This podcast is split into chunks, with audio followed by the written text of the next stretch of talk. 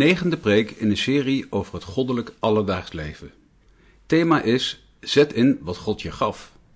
Opgenomen op 29 maart 2020 in de Noorderkerk te Amsterdam. Voorganger is dominee Johan Visser.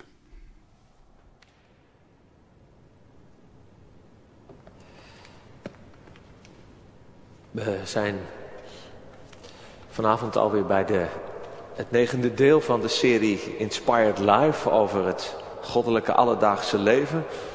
En vanavond gaat, er over, gaat het over het gemeenschappelijke en over je inzetten met alles wat je hebt ontvangen. En dat, dat zit heel dicht bij elkaar. En we lezen uit Romeinen 12 een gedeelte, 1, uh, eh, hoofdstuk 12, 1 tot 8. En ik dacht, het is ook wel goed om even het stukje ervoor te lezen. Dat is Romeinen 11, vers 33. En dan lezen we gewoon verder in hoofdstuk 12. Dus Romeinen 11, dat is het slothoofdstuk uh, van het gedeelte over Gods weg met, met Israël. En je zou kunnen zeggen dat de versen die we lezen vanaf vers 33 zijn een soort van climax. En niet zo'n kleintje ook. En waar Paulus het uitroept, o diepte van rijkdom, zowel van wijsheid als van kennis van God. Hoe ondoorgrondelijk zijn zijn oordelen en onnaspeurlijk zijn wegen. Want wie heeft de gedachten van de Heer gekend? Of wie is zijn raadsman geweest? Of wie heeft hem eerst iets gegeven en het zal hem vergolden worden? Want uit hem en door hem en tot hem zijn alle dingen. Hem zij de heerlijkheid tot in eeuwigheid. Amen. En dan gaat Paulus verder. Ik roep u er dan toe op, broeders en zusters, door de ontfermingen van God om uw lichamen aan God te wijden. Als een levend offer, heilig en voor God welbehagelijk. Dat is uw redelijke of uw geestelijke godsdienst. En wordt niet aan deze wereld gelijkvormig, maar wordt innerlijk veranderd door de vernieuwing van uw gezindheid. Om te kunnen onderscheiden wat het goede, welbehagelijke en volmaakte, wat de goede, welbehagelijke en volmaakte wil van God is. Want door de genade die mij is gegeven, zeg ik in ieder onder u, niet hoger te denken dan hij moet denken, maar laat hij of zij denken in bescheidenheid. Naar de mate van het geloof, zoals God die aan een ieder heeft toebedeeld. Want zoals wij in één lichaam vele leden hebben en de leden niet alle dezelfde functie hebben, zo zijn wij, hoewel vele, één lichaam in Christus. Maar ieder afzonderlijk leden van elkaar. En nu hebben wij genadegaven, onderscheiden naar de genade die ons is gegeven. Het zij profetie, naar de mate van het geloof. Het zij dienstbetoon in het dienen. Het zij wie onderwijst in het onderwijzen. Het zij wie bemoedigt in het bemoedigen. Wie uitdeelt in oprechtheid. Wie leiding geeft met inzet. Wie zich over anderen ontfermt met blijmoedigheid. Zalig ben je als je het woord van God hoort en het bewaart.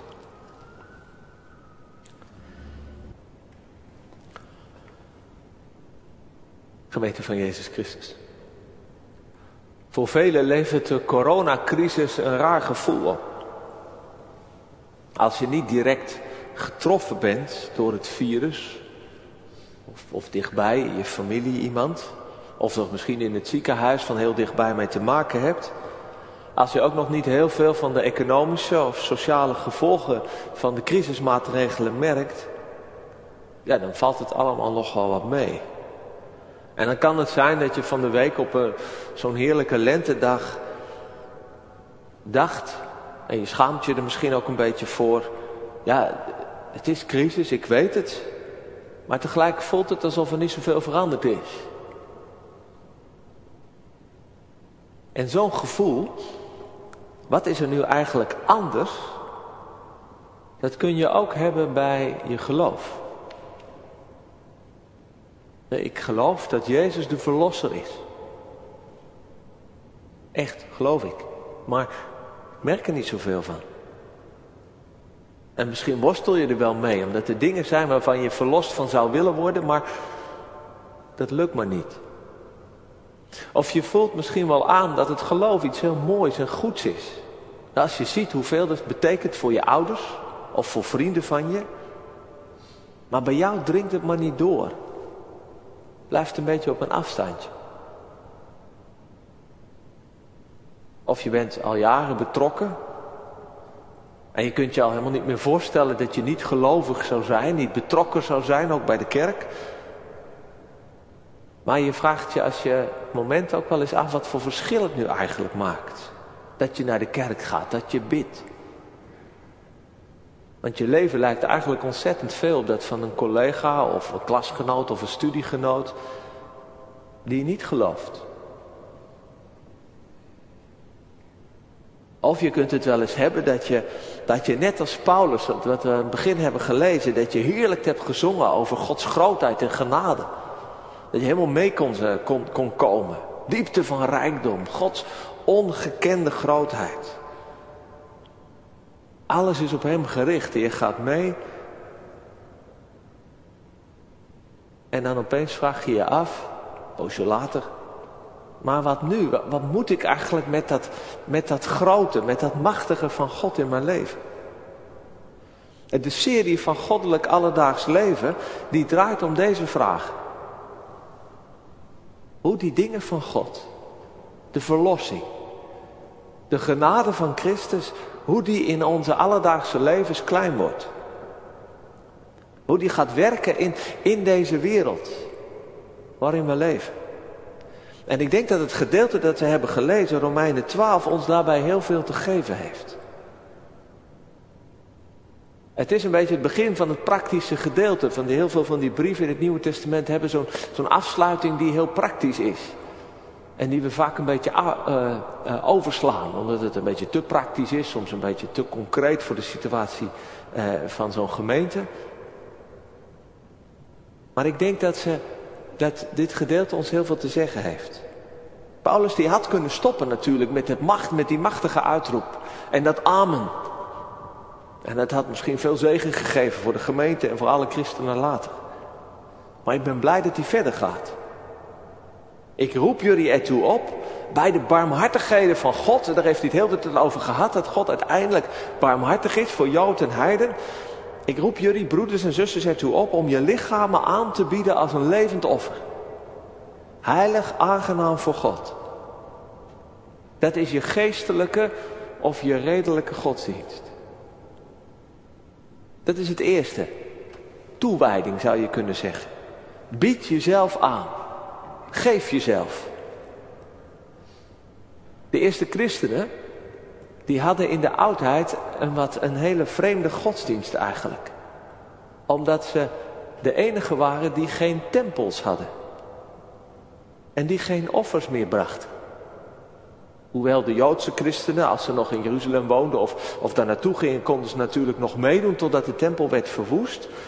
Um, maar uiteindelijk verdween het offer voor alle christenen. Want ons offer is al gebracht. Het offer van Jezus aan het kruis was het, het, het volmaakte laatste offer wat is gebracht. Maar ja, dat is wel een wat rare godsdienst, zeker in die tijd. Wat moest je dan doen? Als je niet naar een tempel kon om, om, om je God een offer van een dier of van eten of van nog iets anders te brengen. Nou, Paulus zegt offer je lichaam. Dat bedoelt hij natuurlijk niet letterlijk. Maar hij bedoelt ermee dat je je hele alledaagse leven, dat je dat moet offeren. Dat dat je eredienst mag zijn. Geen eredienst met een altaar en met letterlijk dat er bloed vloeit, maar een geestelijke eredienst.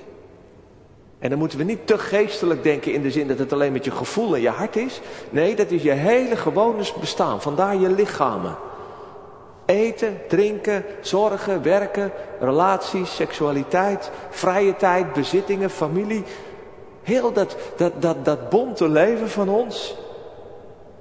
Laat dat een offer zijn dat je aan God toewijdt. Zoals je een offerdier aan God gaf, zo geef je nu je eigen leven aan God. En in die zin is het helemaal ook niet zo vreemd dat we op dit moment geen kerkdiensten kunnen houden. Althans niet in het gebouw, niet op deze heilige plek samen kunnen komen. En dat ons leven helemaal heel anders is. Want ook als het nu heel anders is, je kunt al die gewone dingen van je leven, die kun je nog steeds aan God toewijden. Ook al is het misschien een stuk lastiger, is het misschien eenzamer. Je kunt nog steeds je leven, je lichaam en al, alles, alles wat je, wat, je, wat je nog kan doen, kun je aan God toewijden. En dat toewijden, dat vraagt om nog iets. Want je moest in de tempel natuurlijk niet aankomen met een kreupel of een afgedankt dier. dat je dacht van nou wat zal ik eens aan God geven? Nou het afdankertje dat kan wel naar God. Nee natuurlijk niet. Je gaf een gaaf, mooi dier als geschenk aan God. Nou nu, zo zegt Paulus, moet je leven ook heilig en voor God aangenaam zijn. Onze levens mogen een prachtig geschenk voor God zijn. En daarom is het belangrijk dat je verandert. Metamorfose staat er in het Grieks. Dat ons leven echt anders wordt. Mooi, gaaf. Dat God er blij van wordt, aangenaam voor God. En dat gaat doordat je je gezindheid, hoe je denkt, hoe je naar de dingen kijkt, wat je belangrijk vindt in je leven, dat die vernieuwd wordt. En dat vernieuwen betekent natuurlijk dat je niet hetzelfde moet blijven doen als die oude wereld. Word niet gelijkvormig aan deze wereld, deze eeuw. Dat is het, de oude manier van denken en leven waar de verlossing van Jezus nog niet bij is gekomen. En waar het kwaad en het egoïsme nog zo sterke greep op hebben. Daar moet je niet gelijkvormig aan worden, maar je moet je laten vernieuwen en veranderen. Dat betekent toewijding dus ook, een nieuw leven. Echt het anders gaan doen. Niet maar wat meehobbelen met wat men vindt en van twee walletjes blijven eten. Niet in dat, nou eigenlijk zou ik, maar ja, blijven steken. Zodat je gaat zien wat de wil van God is voor je leven vandaag. Wat je met jouw lichaam, met het hele alledaagse leven, wat je daarmee, wat je daarmee kan doen voor God. Wat, wat goed is, zegt Paulus. Wat aangenaam weer, hè, waar God blij van is. Wat volmaakt is zelfs. Zoals een tempel natuurlijk ook een, een, een heilige plek was. Speciaal voor God gereserveerd. Maar ook een tempel was ook altijd een teken van God. Daar woonde God, daar konden mensen zien van God, God is er. Nou, zo mag ons leven ook een teken van God zijn. Dat de mensen door onze levensstijl, door onze keuzes, door onze gezindheid, in ons dagelijks leven, midden in de wereld, iets gaan merken van Gods verlossing.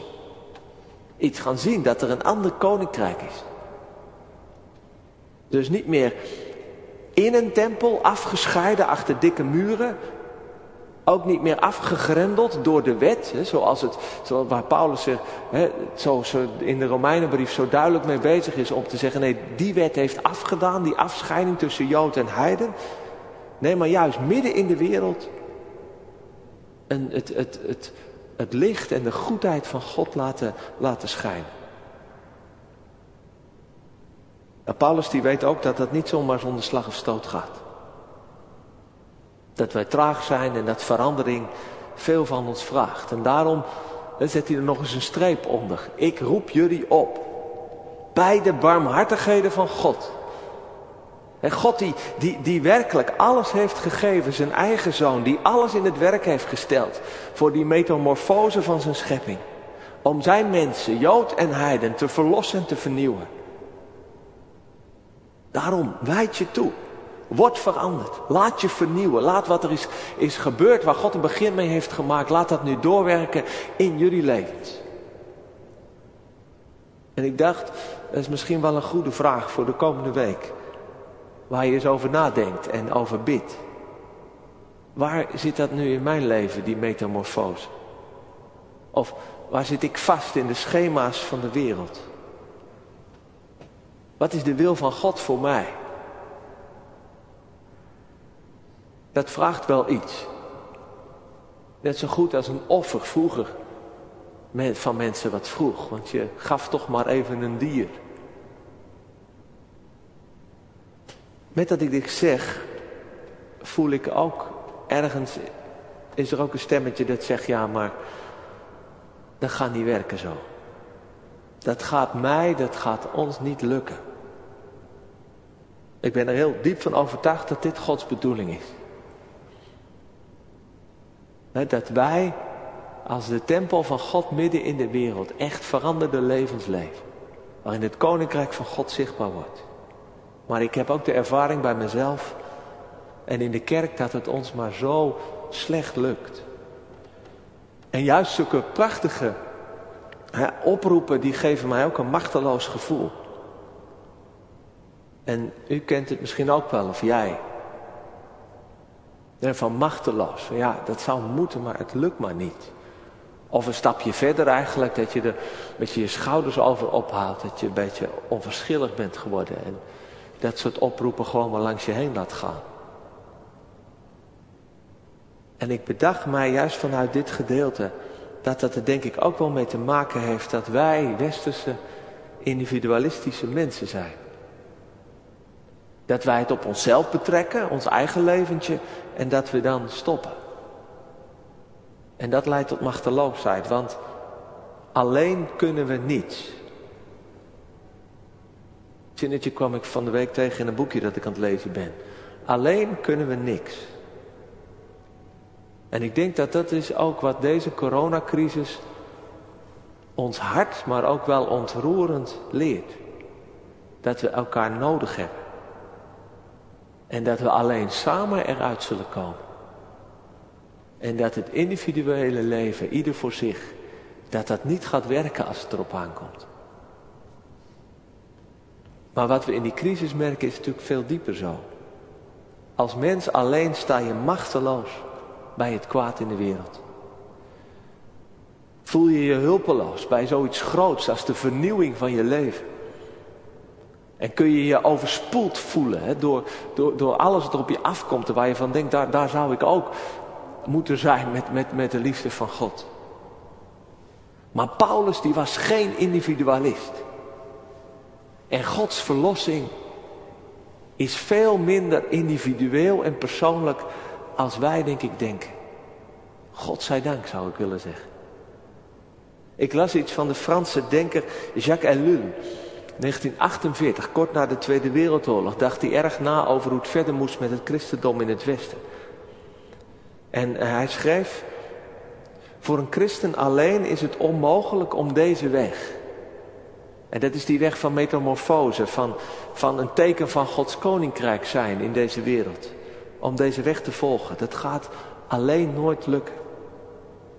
Om de zoektocht naar een nieuwe levensstijl, die toewijding van je lichaam, van je hele leven te kunnen ondernemen, zou elke christen zich door anderen gesteund moeten weten en voelen. En het is noodzakelijk om je te mengen in werk dat zich richt op de herbouw van gemeenteleven. Op het ontdekken van de christelijke gemeenschap. Zodat mensen opnieuw mogen leren wat de vrucht van de geest is. Voor velen waren dit profetische woorden. Maar het is moeilijk gebleken om ze in onze tijd en onze cultuur vorm te geven. De vrucht van de geest, daar denken we vaak iets heel persoonlijks aan. Elul zegt, we zullen dat alleen in de gemeenschap kunnen we die vrucht ontdekken, en laten groeien en ook laten zien voor de, voor de anderen. En dat is denk ik ook de weg die Paulus ons wijst. Je kunt het niet alleen. Je bent niet in je eentje een tempel. En we kunnen nooit alleen individueel de wil van God ontdekken. En ook niet alleen vernieuwd worden. En Paulus die vliegt dat aan door te zeggen dat niemand zichzelf moet overschatten. En je moet niet te hoog van jezelf denken. Maar in bescheidenheid. Zoals God en ieder de maat van geloof heeft gegeven. Ja, wij lijden in onze cultuur denk ik aan een collectieve overschatting van onze individuele betekenis en onze individuele mogelijkheden. En dat werkt ook door natuurlijk in ons geloof. En als het dan gaat over je toewijden en je leven offeren, dan overschatten we onszelf ook vaak. En dat kan leiden tot hoogmoed of een soort van geestelijk egoïsme. Of aan de andere kant kan dat leiden tot, tot, tot een messiascomplex. Jij moet de wereld redden. Met alle gevolgen van dien. En Paulus die zegt, denk over jezelf naar de maat van het geloof dat God uitdeelt. Naar de maat van het geloof. Dat betekent in vertrouwen, in overgave op God. Je, je leeft niet voor jezelf. Je bent niet van jezelf. Het gaat ook niet om jou. Dat jij de projectleider van het Koninkrijk van God zou zijn. Of de directeur van het heelal. Je hoeft niet in je eentje de nood van de wereld op te lossen. Nee, je mag leven in geloof. In vertrouwen op God die je geeft wat je nodig hebt. Maar die je ook geeft wat je kunt offeren, wat je kunt geven. En dan komen die genadegaven om de hoek kijken. God geeft ons waarmee wij anderen kunnen dienen en ons leven kunnen offeren voor zijn zaak. Daar ga ik nog even verder op, maar nog één, één opmerking even tussendoor. Want we hebben natuurlijk niet alleen te maken met het gevaar van het overschatten van onszelf. Maar denk ik ook dat je jezelf onderschat. Niet alleen hoogmoed is een zonde, maar ook laagmoed. Dat is geen woord, maar u begrijpt het wel. Dat je zegt, ik heb niks te bieden. Ik kan niks betekenen. Ik blijf maar een beetje in mijn stoel zitten. Dan denk je ook niet goed over jezelf. Dat klinkt misschien heel nederig en heel bescheiden, maar het is niet goed. Het is niet naar de maat van het geloof. Want je denkt blijkbaar dat God aan jou geen gave en geen genade heeft gegeven. En daarmee denk je dus dat je het weer zelf moet doen. Maar omdat je denkt dat je niks voorstelt en niks hebt, ja, dan denk je, nou ja, dan is het ook niks. Maar dat moet je niet doen. Denk op de manier van geloof.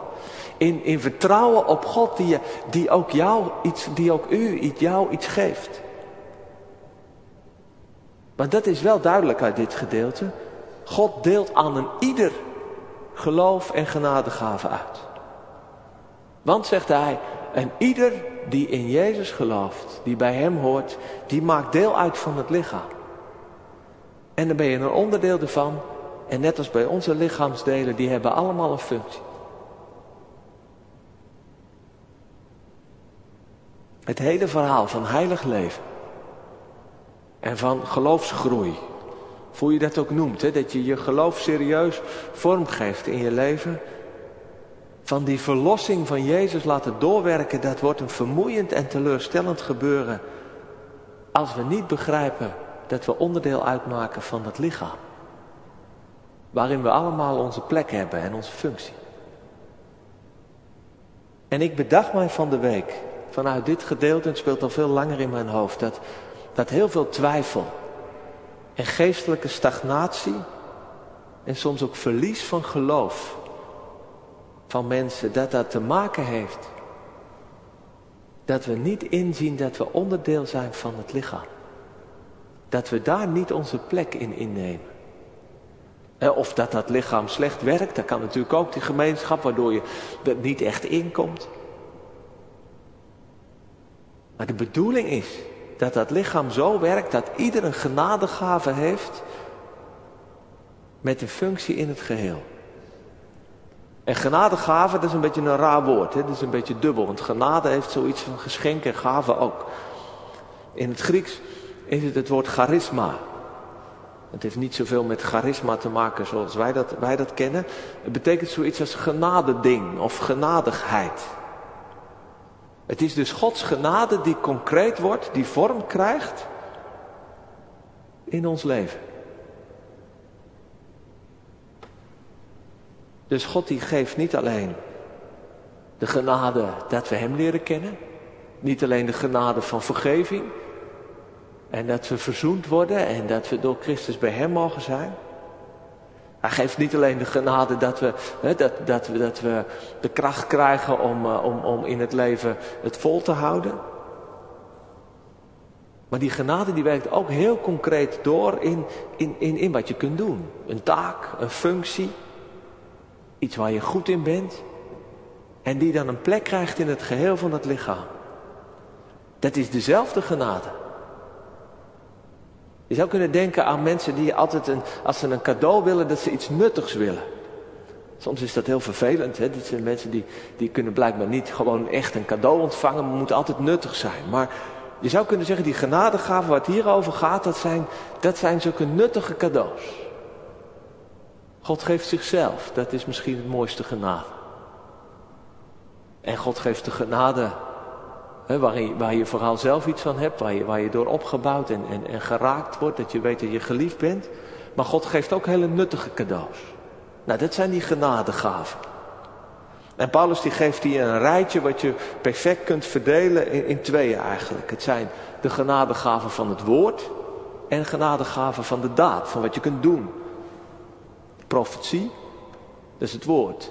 Dat is geïnspireerd spreken, dat God iets door jou heen kan vertellen aan anderen of aan de gemeenschap. Onderwijzen, dat is eh, de uitleggen waar het over gaat in het, evangelie. En bemoedigen en vermanen. Dat is iemand met woorden helpen in een concrete situatie. En die gaven van de daad, het dienen, dienstbetoon, allerlei praktische vormen van zorg en hulp. Het uitdelen, zeg maar wat bij ons in de diaconie, hè, dus dat je materiële uh, zaken deelt met mensen die dat, die dat uh, nodig hebben. Leiding geven en ontfermen. Het troosten. In nood, in lijden mensen nabij zijn. Nou, je kunt natuurlijk nog veel meer aan die twee rijtjes van woord en daad toevoegen. In de brief aan de Corinthiërs worden ook nog wat meer bijzondere gaven genoemd. Van, van spreken in tongen en, en genezing. Omdat dat blijkbaar in die gemeente toen heel sterk speelde. Maar duidelijk, en daar wil ik het vooral vanavond bij laten. Duidelijk is dat ieder in het lichaam van Christus een genadegave ontvangt. En die gave die helpt je om concreet je leven te offeren. En in dat lichaam van Christus bedoelt natuurlijk Paulus iets meer dan alleen maar de ene concrete kerk. dat is het, de grote gemeenschap. En ook met, met, met, de, met de mensen om ons heen. En dat heeft met je familie te maken. En, en noem maar op. He, het lichaam van Christus is, is groter dan alleen, zeg dan maar even, onze Noorderkerkgemeente. He, maar het is wel dat je verbonden met elkaar een gave uh, krijgt voor het, voor het geheel. En, en het mooie daarvan is, is dat je dus dan ook niet alles hoeft te doen. Paulus zegt eigenlijk, richt je nu op wat je van God hebt ontvangen. Waar je van vertrouwt, dit is mijn roeping. Dit zijn de gaven die ik heb. En, en, en ga dan vanuit het geloof, geef je dan ook echt voluit. Als je dient, doe het dan ook in het dienen. Hoef je niet heel veel andere dingen te doen, maar doe het dan ook voluit. Ga ervoor, groei daardoor. En laat dat een zegen zijn en een, en een vrucht van Gods verlossing uh, voor anderen. Nou, ik sluit af met nog een, een paar praktische dingen. En ik moest denken, laat ik het maar challenges noemen. En dat heeft ermee te maken dat ik van de week werd gebeld door Maartje, die ik totaal niet kende. Ergens van ver weg belde ze, want ze had een corona-challenge van haar vader gekregen. En zij had die challenge opgepakt dat ze um, ging vragen hoe gelovigen over de coronacrisis dachten. En het streelde mijn ijdelheid natuurlijk dat ze niet de aartsbisschop van Utrecht belde, maar mij. Om te vragen hoe gelovigen daar, uh, daarover dachten. Maar ik vond het wel mooi. Een teken van toewijding. Dat je in deze tijd een extra challenge aangaat. En het hoeft niet per se dit te zijn. Maar dat je zegt, nou ik ga niet meer zitten vervelen, maar dan ga ik ook echt iets doen. Ik dacht, nou dat is dan misschien ook goed om mee af te sluiten. Voor ons allemaal. En ik dacht aan een challenge voor de jongeren of de kinderen. Als je gelooft in de Heere God, dat betekent ook dat je voor Hem wil leven. Dat je wil veranderen. Dat hebben we nu geleerd van, van Paulus. Dat je je kan laten veranderen. Dat wil God. Dat je niet alleen maar voor jezelf, voor je eigen plezier leeft, maar dat je echt voor Hem wil gaan leven. Nu, als je dat wil, dan mag je ook vragen om, om gaven. Dingen waarmee je iets goeds kunt doen voor anderen en voor, voor de kerk en voor de dingen van de Heere God. En dat kan te maken hebben met waar je goed in bent. Kan ook te maken hebben dat er dingen zijn waar je door geraakt wordt in je leven, dat je denkt, daar moet ik iets mee. Kan ook te maken hebben dat er opeens dat je iets ontvangt waar je van denkt, hè? Nooit aan gedacht, maar blijkbaar is dat van God, daar, daar mag ik iets mee. Nu, Bid daar nu eens om en zoek daar ook eens naar. Welke gave geeft God jou? En misschien voor de ouders en voor de mensen in het jeugdwerk, nu al die dingen een beetje stil liggen, neem de tijd dan ook eens voor ze te bidden, mee te bidden. De tweede challenge is denk ik voor ons allemaal in deze tijd. We hebben verschillende gaven, maar ik denk dat het nu vooral heel belangrijk is dat we naar elkaar blijven omzien. Vooral naar degenen die, ehm, die alleen zijn en voor wie het, het alleen uh, uh, in één huis zitten of op één kamer zitten best heel zwaar kan zijn. Ook al ben je, ben je helemaal niet kwetsbaar of, uh, of, of ziek. Laten we met die verschillende gaven die we hebben, of dat nu heel praktisch is of met woorden of juist ook met een stukje van ontferming naar elkaar blijven omzien. En wees creatief, creatief en laat het niet alleen maar op een paar uh, mensen aankomen van wie je weet, ja die zullen het zeker wel doen. Die zijn altijd in de weer met kaartjes en bellen. Laten we dat ook echt, echt met elkaar doen.